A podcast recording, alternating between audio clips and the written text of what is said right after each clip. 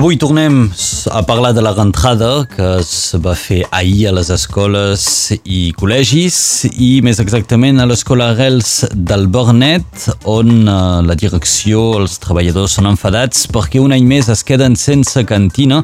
Nos ho explicarà el president de l'associació Arrels.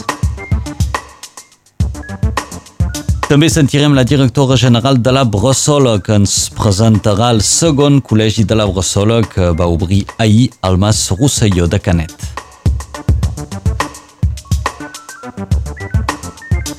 Fa tot just un any s'aixecaven les barreres dels peatges a les autopistes sud-catalanes. Això en general ha fet millorar la seguretat viària a l'excepció de la P7 on han doblat el nombre de morts. Us ho expliquem en detall. També parlarem d'esports amb els dracs catalans que juguen avui el darrer partit de la fase regular del campionat contra Wigan i l'USAP que es prepara per eh, començar la temporada de top 14 demà al camp de Pau.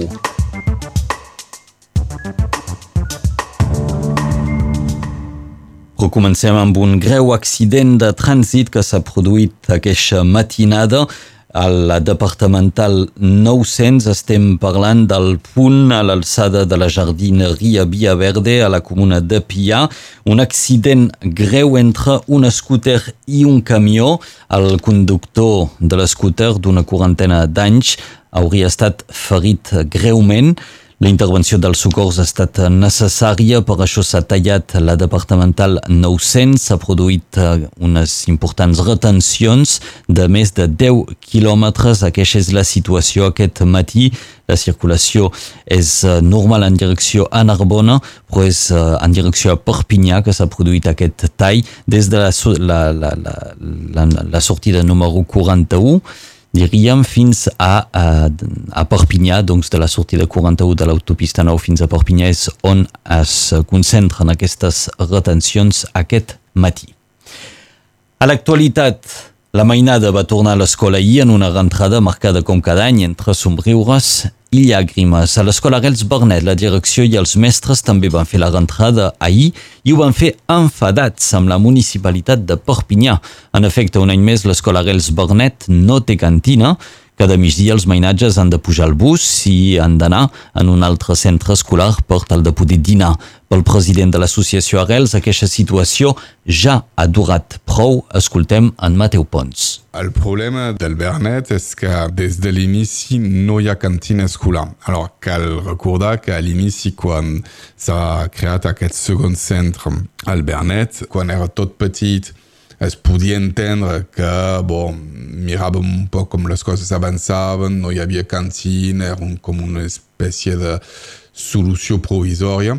El que era normalment únicament provisori s'ha convertit en una cosa que avui és quasi definitiva. És a dir, que ara tenim una escola amb uh, totes les classes i, uh, i tots els nens, però sempre ens falta aquesta cantina que i això és un veritable escàndol perquè és eh, l'única escola pública de, de Perpinyà i, i de tot el departament eh, dels Pirineus Orientals i, uh, i potser uh, quasi de tota la regió Occitania, en tot cas de l'Acadèmia de Montpellier, a no tenir cantina. I doncs l'Ajuntament de Perpinyà ens deu una cantina perquè que hi ha són uh, perpinyanesos que, que, que aquí anormal encara avui de, de no tenir cantina i és veritat que fem una entrada un, molt enfadat sobre, sobre aquest tema. Ens ho deia el Mateu Pons, el president de l'associació Arrels. L'associació no descarta la possibilitat d'organitzar accions diverses per obtenir finalment aquesta cantina imprescindible per l'escola Arrels Bernet. I ahir també, per aquesta rentrada, s'estrenava el segon col·legi de la Bressol al Mas Rosselló a Canet. De moment acull dos nivells, una sisena i una cinquena, per una quarantena d'alumnes al total. Aquest lloc era el pla B després dels entrebancs de l'Ajuntament de Perpinyà per instal·lar aquest col·legi al convent Santa Clara, un dossier que segueix entre les mans de la justícia, però amb un canvi, la voluntat de mantenir el nivell del col·legi a Canet i obrir a Perpinyà únicament un liceu. Escoltem l'Eva Bertrana, la directora general de la Bressola, que ens presenta el Mas Rosselló de Canet. Un lloc amb història, és una, un autèntic mas català, d'arquitectura purament catalana, de, de pedra, de riu, de, de caigús, eh, és, és, és ben bé que se sent que, que ets a Catalunya quan entres aquí i tenim un privilegi enorme que és de, de poder ocupar aquests espais i de retornar la llengua en aquest mas a través eh, d'un centre d'ensenyament. No podíem somiar millor com a solució que pensàvem provisional però que finalment no serà provisional. Hem vingut per quedar-nos en, aquest, en aquest local, en aquest espai meravellós, un espai on el pati no és asfaltat, és amb sorra, on eh, no hi ha la reixa, són eh, testos de flors molt grossos que separen i que fan de tanca de, del col·legi, és a dir, que la renovació i l'esperit que se li vol donar en aquest espai és el de mantenir aquest patrimoni eh, arquitectònic eh, del qual disposem que amb total coherència amb, eh, que, amb els objectius de la Bressola, de conservar també aquest patrimoni cultural i lingüístic. Ens ho explicava la directora general de la Bressola, l'Eva Bertran, en aquesta jornada de rentrada i d'estrena pel segon col·legi de la Bressola a Canet. I com cada any, després de la rentrada, hem de parlar de la carta escolar. L'acadèmia i els sindicats negocien avui l'obertura i el tancament de classes per a aquest nou curs escolar. Enguany l'acadèmia avança el tancament de 8 classes de maternal i de primària per 6 obertures. Són amenaçades diverses classes de les escoles de Sant Cebrià, de Bages, de Luz Masos, del Soler, de Saleies, Toruges i també una classe bilingüe de l'escola de l'Ambert de Perpinyà. El director d'acadèmia ja va avisar que l'obertura d'una nova classe significarà el tancament d'una classe en una segona, en una altra altra escola. Els pares d'alumnes de diverses classes amenaçades han decidit mobilitzar-se avui davant dels locals de la inspecció acadèmica de Perpinyà. Un banyista de 80 anys es va negar ahir a la platja del Barcarès. Tot i els esforços dels socorristes, la víctima no va poder ser reanimada. Llargues cues ahir a les estacions de servei de Catalunya Nord. La prima del carburant va passar ahir de 18 a 30 cèntims per litre. A més d'aquesta ajuda de l'Estat, les gasolineres Total també apliquen una rebaixa de 20 cèntims per litre. Això va incitar els automobilistes a precipitar-se a les estacions de servei aquest dijous.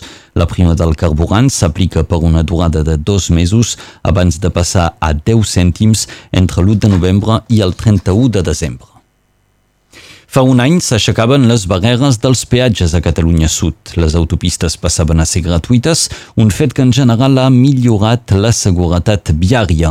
Malauradament, el principal punt negre és l'autopista AP7, on hi ha hagut el doble de morts que en el mateix període d'abans de la pandèmia. Així s'ha passat doncs de 12 a 25 víctimes mortals i els ferits greus han passat de 37 l'any passat a 66 aquest any. L'aixecament dels peatges ha comportat també un augment del trànsit a l'autopista AP7. Segons les xifres oficials, l'augment del trànsit, del trànsit ha estat d'un 40% i fins al 80% en el cas dels vehicles pesants. La Generalitat de Catalunya ha donat l'ordre que es deixi d'aplicar el 25% de castellà a les escoles i instituts que ho estaven fent per ordre del Tribunal Superior de Justícia de Catalunya. Fins ara eren 20 centres a tot Catalunya que aplicaven aquesta mesura. I la mesa del Parlament de Catalunya ha decidit mantenir la suspensió de Laura Borràs com a presidenta del Parlament i com a diputada el Partit Socialista, Esquerra Republicana i les CUP s'han posicionat en contra de reconsiderar aquesta suspensió. A Ucraïna, un equip d'inspectors de l'Agència Internacional de l'Energia Atòmica va arribar a la central nuclear de Zaporizhia. L'objectiu d'aquesta missió és d'evitar que la guerra entre Rússia i Ucraïna provoqui una catàstrofe nuclear. La visita dels 14 inspectors de l'ONU es va produir després de mesos de negociacions i enmig d'acusacions mútues de Moscou i de Kiev pels bombardejos de la zona que amenacen actualment la central.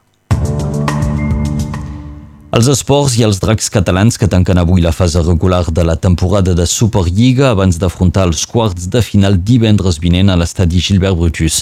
De cara a aquest últim partit de la fase regular, l'entrenador dels dracs, Steve Manamaran, no vol prendre cap risc i presentarà un equip rejuvenit amb 10 jugaires de l'equip reserva. El maig d'avui al camp de Wigan començarà a les 9 del vespre. I l'USAP es prepara per iniciar la temporada de top 14 demà a l'estadi de Pau. Aquest serà el primer partit de David Martí com a entrenador principal de l'USAP. Aquest primer match de la temporada començarà demà a les 5 de la tarda.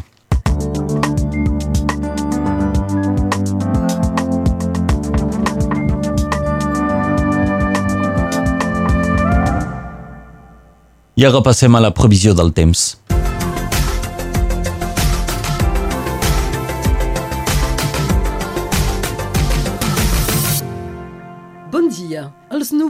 Són baixos avui sobre la major part del país. L'aire és encara humit amb un ambient de xafogó.